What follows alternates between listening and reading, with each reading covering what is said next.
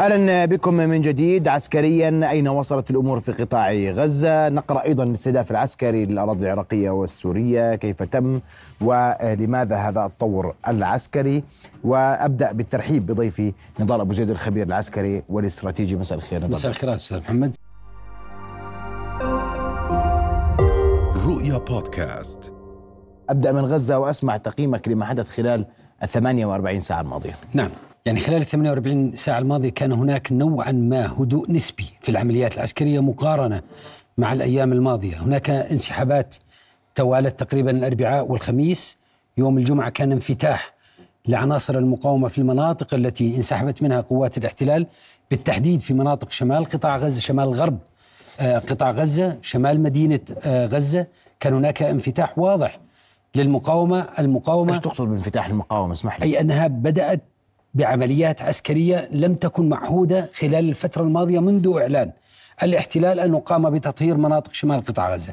وهذا بالعرف العسكري هو انفتاح للمقاومة في مناطق شمال قطاع غزة.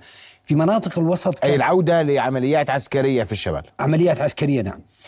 شاهدنا آه، خلال ال 24 ساعة الماضية عمليات وأعلنت عنها المقاومة عملية قنص لجنود الاحتلال. شاهدنا عملية استهداف لقوات الاحتلال تحصنوا في مبنى وعددهم 15 جندي من الاحتلال وقعوا ما بين قتيل وما بين آه، مصاب وجريح.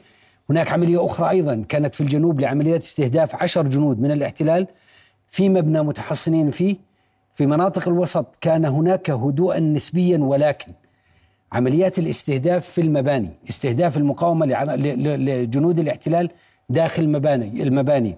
يفسر أن الاحتلال في ظل غياب الدرع وانسحاب وحدات كبيرة من الوحدات المدرعة بدأ يلجأ إلى الحماية داخل المباني. الاستمكان داخل المباني هذا يسهل على المقاومة استهداف الجنود خاصة أن أعداد كبيرة تكون موجودة داخل المبنى.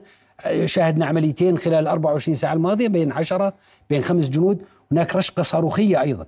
خلال الساعات منذ ساعات الصباح اليوم وصلت إلى غلاف قطاع غزة وأعلنت عنها آه، سرايا القدس أنها استهدفت قاعدة رعيم. في آه، قلب آه، غلاف غزة وبالتالي نحن أمام ثلاث سيناريوهات رئيسية لكل ما يجري في آه، قطاع غزة. السيناريو الأول يبدو أن المقاومة إما أن المقاومة تلاحق فلول قوات الاحتلال المنسحبه هذا سيناريو رقم واحد. السيناريو الثاني يبدو أن المقاومة تريد الإحلال أن تشغل المناطق التي تنسحب منها قوات الاحتلال في حين أن الاحتلال لا يريد هذه الخطوة من المقاومة لذلك يقوم بعمليات تغطية نارية للمقاومة، السيناريو الثالث أن المقاومة تريد أن تبقى اليد الطولى لها قبل أي مبادرة سياسية يعلن عنها رسميا. أنا أرجح السيناريو رقم آه، رقم واحد وهو أن المقاومة تريد إشغال المناطق التي ينسحب منها الاحتلال وما يعزز هذا الخيار أن الاحتلال في ظل انخفاض الكفاءة القتالية لقواته في ظل انخفاض حجم القوة البرية لقواته بسحب بسبب سحب عدد كبير من هذه القوات ذهب باتجاه التغطية النارية. لذلك هذا يفسر أننا شاهدنا عمليات تغطية نارية وقصف جوي من قبل طيران الاحتلال متقطع سواء في غرب خان يونس كان هناك عمليات قصف سواء في مناطق جنوب خان يونس كان هناك عمليات قصف وبالتحديد جنوب منطقة النجار. وكان هناك تغطية أيضا في غرب آه، قطاع غزة. إذا لماذا هذه الكثافة النارية من الطيران ال- ال- ال- ال- للاحتلال في ظل نقص الذخيرة اللي تحدثنا عنه في ظل محاولات الاقتصاد بالجهد الناري ال- الجوي بسبب التكلفة العالية؟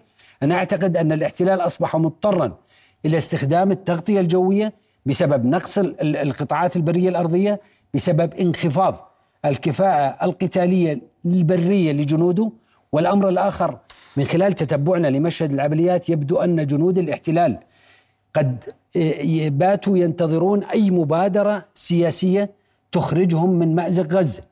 السبب في ذلك انخفاض المعنويات بشكل كبير اسمح لي يعني. وبالتالي لكن, لكن حكومة الحرب نتنياهو وحلفائه لا يريدون إنهاء الحرب هذا واضح. نعم. يعني هو- رغم كل تصريحات ال- الساسة الإسرائيليين ورغم تصريحات بنيامين نتنياهو أنا أعتقد أن الوضع الميداني هو الذي يحدد مسار المسار السياسي بشكل واضح. وبالتالي بما أن الوضع الميداني خلال ال 48 ساعة بات واضحا أنه للمقاومة. وأصبح المشهد واضح جدا أن المقاومة على ما يبدو يبدو أنها بدأت بها- ب- بما يعرف بالعرف العسكري بالهدم بالهجمات المحلية المعاكسة. ما يحدث الآن أن المقاومة هي التي تشن آه، عمليات. لم يسجل ولم نلاحظ أي خبر يتعلق بأن, المقا... بأن الاحتلال قام بشن عمليات كالمعتاد فيما قبل الحديث الذي طرح عن المبادرة السياسية.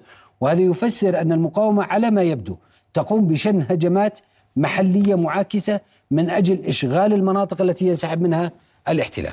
هذا ممكن عسكريا في ظل كل ما تلقته المقاومة من ضربات وكل ما تلقاه جيش الاحتلال من- ضربات لأن المقاومة أيضا تعر- تعرضت لهجمات مختلفة في أكثر من موقع وتحدثت أنت انه بوضوح ولنكن صريحين. هناك يعني المقاومة تلقت خسائر حكما بالضرورة. نعم. نعم تماما. رغم الخسائر التي تلقتها المقاومة سواء في المعدات أو في القوى البشرية إلا أن إمكانية أن تقوم المقاومة بشن عمليات من قبيل العمليات اللي شاهدناها وسمعناها عنها خلال ال 48 ساعة الماضية. أعتقد أن المقاومة لا تزال تتمتع بقدرة على التأك... التكيف والتأقلم مع العملية العسكرية وبالتحديد مع مسرح العمليات. الجغرافيا تساعد المقاوم بشكل جيد هو يعرف المنطقة بشكل جيد وبالتالي هو يعرف أين يذهب ويعرف أين انسحب من أين انسحبت قوات الاحتلال. لذلك هو يشن هذه العمليات وفي العرف العسكري وحتى لا أذهب بعيدا عن الإجابة على سؤالك في العرف العسكري هذا وارد جدا. وما يعزز ذلك أن المقاومة استطاعت إعادة بناء نفسها في مناطق شمال قطاع غزة. طيب. أنتقل لجانب الضربات العسكرية الجوية الأمريكية في آه، آه، المنطقة تحديدا في العراق وسوريا واستخدام طائرة البي 1 وأبدأ أولا في الضربات وما تم استهدافه في سوريا والعراق. نعم أستاذ محمد حتى تتضح الصورة لل- للمشاهد الكريم عملية الاستهداف تمت آه، لمدة 30 ساعة وهذا حسب ما أعلن عنه ال- الجانب الأمريكي بشكل واضح وصريح. عملية الاستهداف تمت بقاذفة استراتيجية وهي طائره البي 1 آه، إضافة لذلك أن عمليات الاستهداف كانت متوقعة حيث يبدو أن عنصر المفاجأة غاب عن هذه العمليات وأعلن الجانب الأمريكي تقريبا مع مساء يوم الخميس أنه يجهز لعملية حتى أن إقلاع طائرة البي 1 من قاعدة بريطانية وبالتحديد من ال- الأراضي البريطانية أعلن عنها الجانب ال- ال- البريطاني صراحة أن طائرة البي 1 بدأت تتحرك باتجاه الشرق الأوسط وبالتالي مما آه، لا شك فيه أن عنصر المفاجأة غاب عن هذه العمليات ويبدو أنه دفع آه، ميليشيات ال- ال- الحشد الشعبي المتواجدة على الحدود السورية العراقية للانسحاب من بعض وإخلاء بعض مواقعها وهذا ما يفسر أن سبب الخسائر في القوى البشرية كان متدنيا نوعا ما مقارنة مع حجم الضربة التي آه، قامت بها القاذفة الاستراتيجية البي 1 نعم. استهداف القائم البوكمال آه، دير الزور أي مناطق عياش هذه مناطق التي استهدفتها العملية العسكرية كلها مناطق حدودية تقع في آه، بين الحدود السورية العراقية العراقية السورية. نعم. مشهد ال- ال- الجغرافي على الأرض وإذا ما ذهبنا على الخارطة ولاحظنا أن عمليات الاستهداف يبدو أنها جاءت بخط متوازي. في منطقة البوكمال تتواجد عناصر من الميليشيات ال- ال- الحشد الشعبي، في مناطق الميادين أيضا هناك مستودعات وهذا ما تكلم عنه الجانب الأمريكي. لمراكز التدريب كانت في منطقة عياش الظاهرة على الخارطة، منطقة القائم أيضا هناك آه، مركز تدريب لعناصر الحشد ال- الشعبي والميليشيات الشيعية. المدعومة من إيران، بالتحديد هذه الميليشيات التي تركزت في هذه المنطقة هي ميليشيات رئيسية تعرف بالميليشيات الولائية.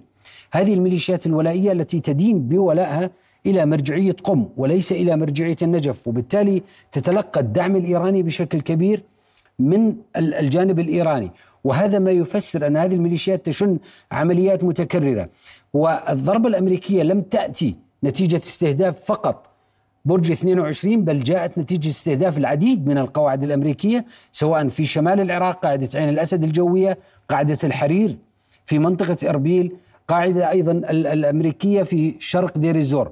وبالتالي هذا الشكل الجغرافي للاستهداف الأمريكي يشير إلى أن الفصائل أو الميليشيات الشيعية هي آه، آه، ميليشيات آه، لواء أبو الفضل العباس وهذا من ال- الفصائل والألوية المتواجدة في هذه المنطقة حركة النجباء والتي أخلت مواقعها وأعلنت بصراحة أنها أخلت مواقعها قبل بساعات من الضربة الجوية.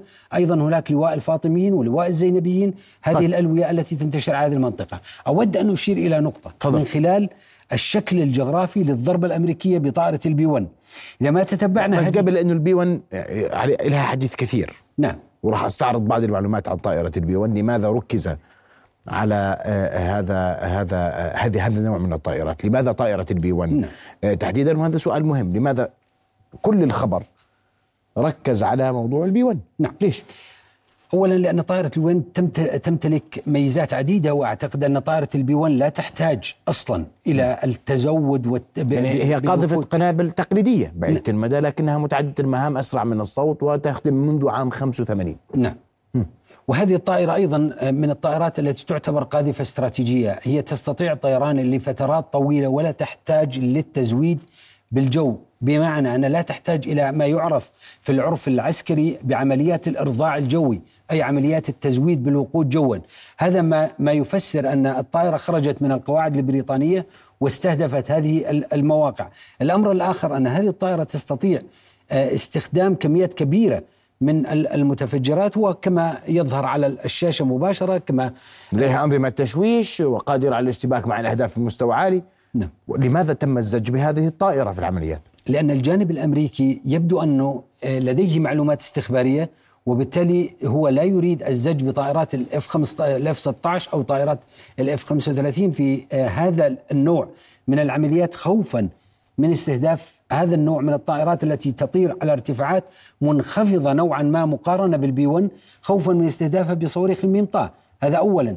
ثانيا يبدو أن الجانب الأمريكي يريد تجنيب الإقليم، مطارات الإقليم المتواجدة أو قواعد الأمريكية المتواجدة ضمن الإقليم تجنيبهم الزج بهم بعملية من هذا النوع وبالتالي استخدم قاذفة استراتيجية مثل البي 1 لهذا ال- ال- والأمر الآخر وهو الأهم أن الجانب الأمريكي من خلال استخدام البي 1 يريد إثبات استراتيجية الردع لدى الجانب الأمريكي باستخدام قاذفة استراتيجية من قبيل البي 1 نعم.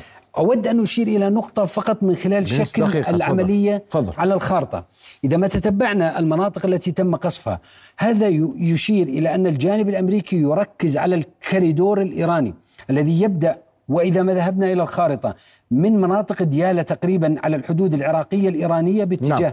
من مناطق محافظة القاد- ديالى باتجاه القائم وهي منطقة مدينة حدودية مطلقة. باتجاه البو كمال باتجاه مناطق تدمر إلى ريف حلب باتجاه المياه الدافئه، هذا كوريدور إيراني تريد إيران إنشاؤه ككوريدور بري تنتشر عليه الميليشيات الشيعية لضمان تزويد الميليشيات الشيعية برا، لضمان انتشار الميليشيات الشيعية في هذا ال- ال- الكوريدور البري، والأمر الآخر والأهم أن إيران تريد الوصول إلى المياه الدافئة شرق البحر الأبيض المتوسط من خلال هذا الكوريدور. أشكرك كل الشكر الخبير العسكري والاستراتيجي نضال أبو زيد. أشكرك كل الشكر. على حضورك كل معنا أستاذ. شكرا جزيلا.